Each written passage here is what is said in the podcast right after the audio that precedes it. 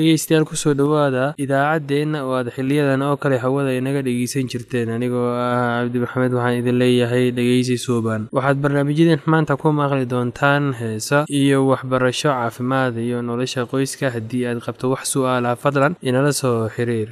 Ciwaankeenna waa radio somaly at yahu dt com. Mar labaad ciwaankeenna waa radio somaly at yahu dt com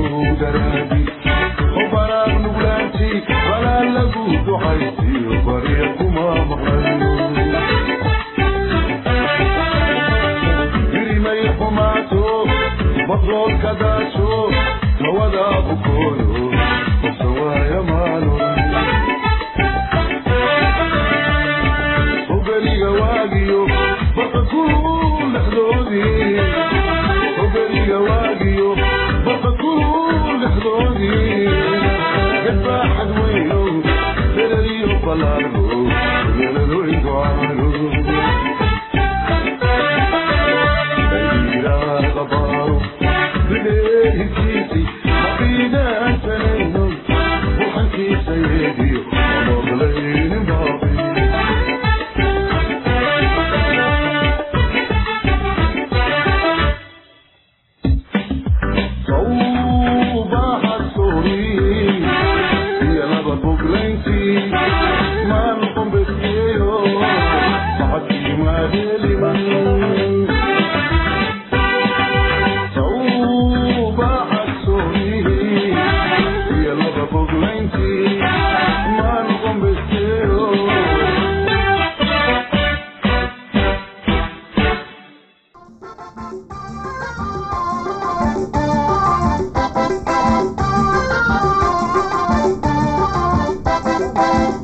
daweynta dhagaha waa lagama maarmaan in si dhaqso ah loo daweeyo bukaanada dhagaha si noola dile sida benesaliin solfadeysiin carruurta saddex sannadood ka yar ambasaliin ayaa ugu wanaagsan. Waxaad kaloo xanuunka siisaa barastmool si miyir leh cudbi dhegta malaxda uga soo nadiifi. Hase ahaatee hagelin cudbi caleemo ama wasaq leh. Caruurta dhegta malaxda ka da'eysa waa inay si joogto ah u meydhaan hase ahaatee waa inay dabaalan ama quusin biyaha laba toddobaad kadib markay gashadaan ka hortegidda bar carruurta inay nadiif iska dhigaan si miirsan oo aanay xoog u siin ama hadaad carruurta quraarad wax ku siiso ama hadaad ku siiso hasiin isaga oo dhabarka u jiifa waayo caanaha ayaa sankiisa geli kara taasoo bukaan dhigaha keeni kara. Marka carruurta sankoodu oodan yahay isticmaal dhibcaha milixda oo dabadeedna soo nuug duufka ilmaha sankiisa. Bukaanka gacanka dhegta sidaad u ogaato bal in gacanka ama dhuuntu tagayso ay bogto qun yar dhegta u soo jiid. Haddii tani xanuun keento gacanku waa bukaa dhibco qal iyo biyo ku dhibci dhegta. Saddex ilaa afar goor maalintii malqacad qal ah ku dar malqacad biyo la karkariyey. Haddii xumad ama malax jiraan isticmaal noola dile. Cuno xanuunka iyo xoqadaha. Dhibaatooyinka badan ee waxay ka bilaabmaan durayga waxaa laga yaabaa in cunaha cas yahay oo xanuun ilmaha. Marka uu doono inuu wax liqo xoqaduhu laab qanjidhkooda yaalla labada dhinac ee cunaha labadiisa ayaa laga yaabaa inay bararaan oo xanuun kulaadaan ama malax ka soo dareerto. Xumadda waxay leedahay inay gaadho daweynta ku luqluqo biyo milix oo biyo milix leh oo diiran malqacad shaaha oo milix ah. Ku dar koob u qaado xanuunka brestmol haddii xanuunka iyo xumadda si kadis ay u yimaadaan socdaan ama ka badan saddex maalmood. Doono dhakhtar cuno xanuunka iyo khatarta xumadda rumaatiga cuno xanuunka had iyo goor la socda durayga waa in noola dile loo isticmaalaa. Haddii la isticmaalona waxba kama taraan. Ku dawee luqluqooyinka asbriin hase ahaatee cayn ka mid ah cuno xanuunka oo la yiraahdo waa in lagu daweeyaa benesaliin waxaana aada ugu badan yahay carruurta iyo dhalinyarada sida caaliga ah. Si kaliis ah ayuu ugu bilaabmaa cuno xanuunka iyo xumad badan iyadoo calaamado durayga iyo qof lo socdaan. Xaggiisa dambe iyo xoqaduhu aada bay u casaadaan. Qanjirhka daanka ka soo hooseeya waxaa laga yaabaa in uu bararsan yahay danqan danqanayo si benesaliin toban maalmood hadiyo goor la siiyo benesaliin toban maalmood. Xumadda romaatigu markay timaado ayay yareysaa ilmaha. Cunaha sidan u buka streeb qaba waa in meel gooni ah wax ku cunaan oo seexdaan meel gooni ah. Caruurta si looga ilaaliyo inay iyaguna qaadaan. Xumadda romaatiga cudurkani carruurta iyo dhalinyarada ayuu ku dhacaa. Wuxuu bilaabaa hal toddobaad ilaa saddex toddobaad kadib markaa qofku ku dhacayo streb calaamadaha ugu waaweyn oo ah saddex ama afar calaamadood oo muuqda xumad xanuunka laabatooyinka ah gaar ahaan jiqirooyinka qofka iyo qufacyada iyo saddexda laabatooyinka way bararaan oo ay kululaadaan oo ayna casaadaan. Xariijimo goolaaba ama meelo soo buuran oo diirka hoostiisa ah. Kuwa aada u xun waxaa jira itaal darro hinraag iyo wadno xanuun dhageystayaasheena qiimaha iyo qadarinta leh waxaa halkaa noogu dhammaaday barnaamijkii caafimaadka. Waa shiina oo idin leh caafimaad wacan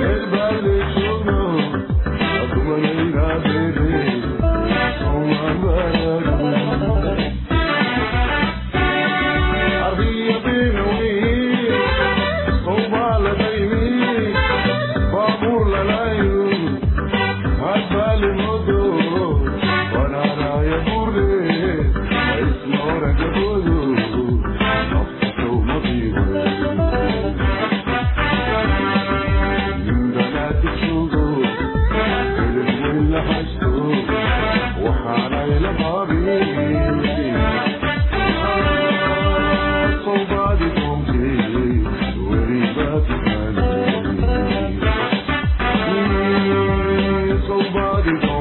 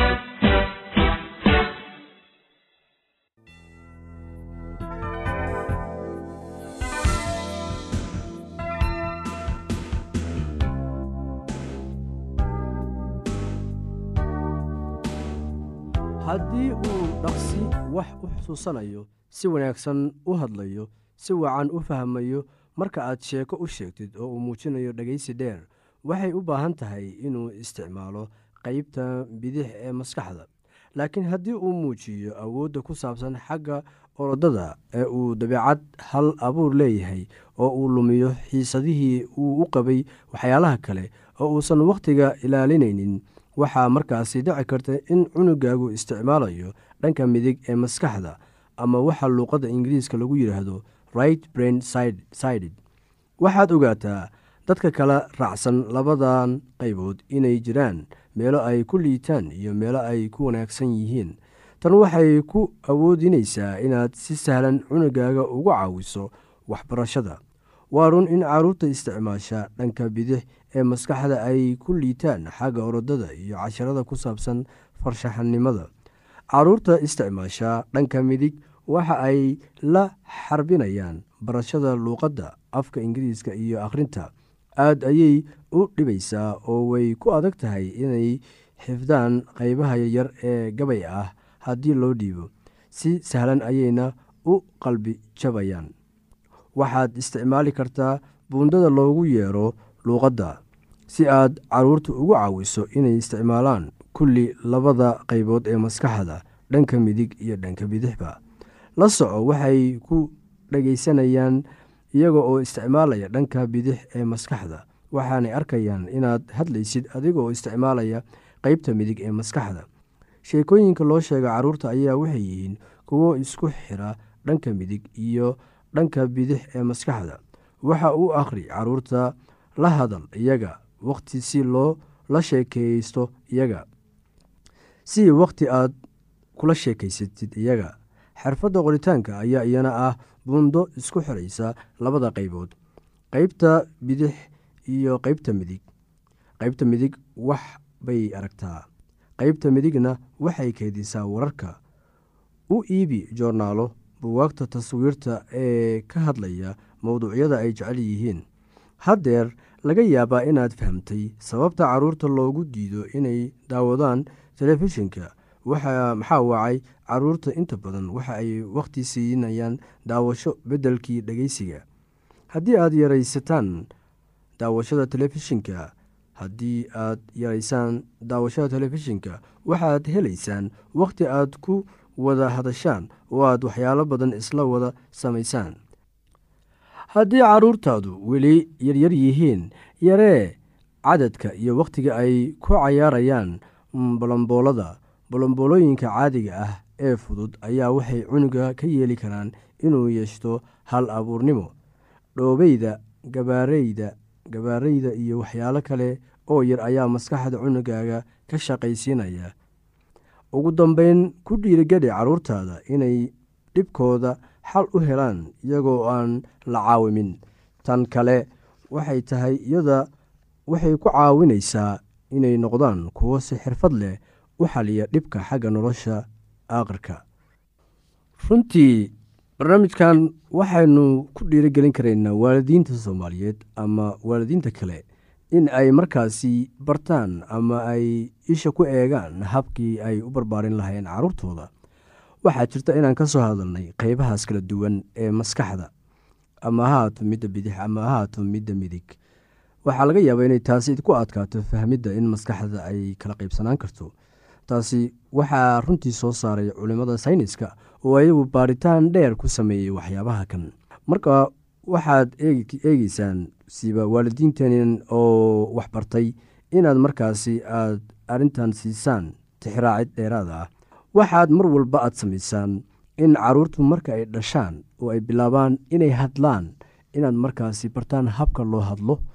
Marka ilmuhu bartaan habka loo hadlo waxay markaasi isku dayeen waxyaabo badan ay markaasi indhaha aada uga eegaan ama ha noqoto sida ay markaasi u dhageystaan waalidkooda sidaay u kala saaraan hadalka ama hadallada xunxun ama kuwa wanaagsan intaba runtii waxaa wanaagsan xataa in markaasi markay caruurtu ka soo laabtaan iskuullada ama dugsiyada in waalidiintu habeenkii ay eegaan fiidkii intaysan seexan waxyaabihii ay soo barteen ayagoo markaa dib u baaraya buwaagtooda taasina waxay ku caawinaysaa in caruurtu ay markaasi bartaan waxyaabo fara badan oo markaasi aysan ka helin iskuulka.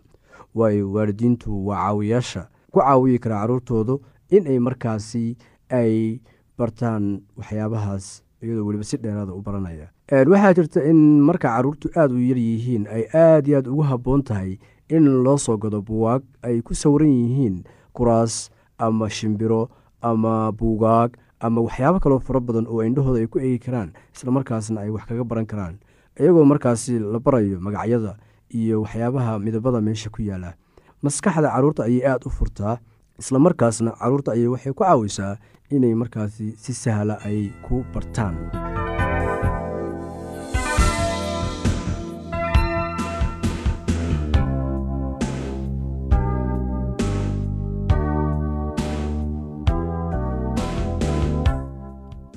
haddii aad qabto wax su'aalaha fadlan inala soo xiriir. Ciwaankeenna waa radio somaly at yahu dt com. Mar labaad ciwaankeenna waa radio somaly at yahu dt com. Barnaamijyadeena maanta waa naga intaas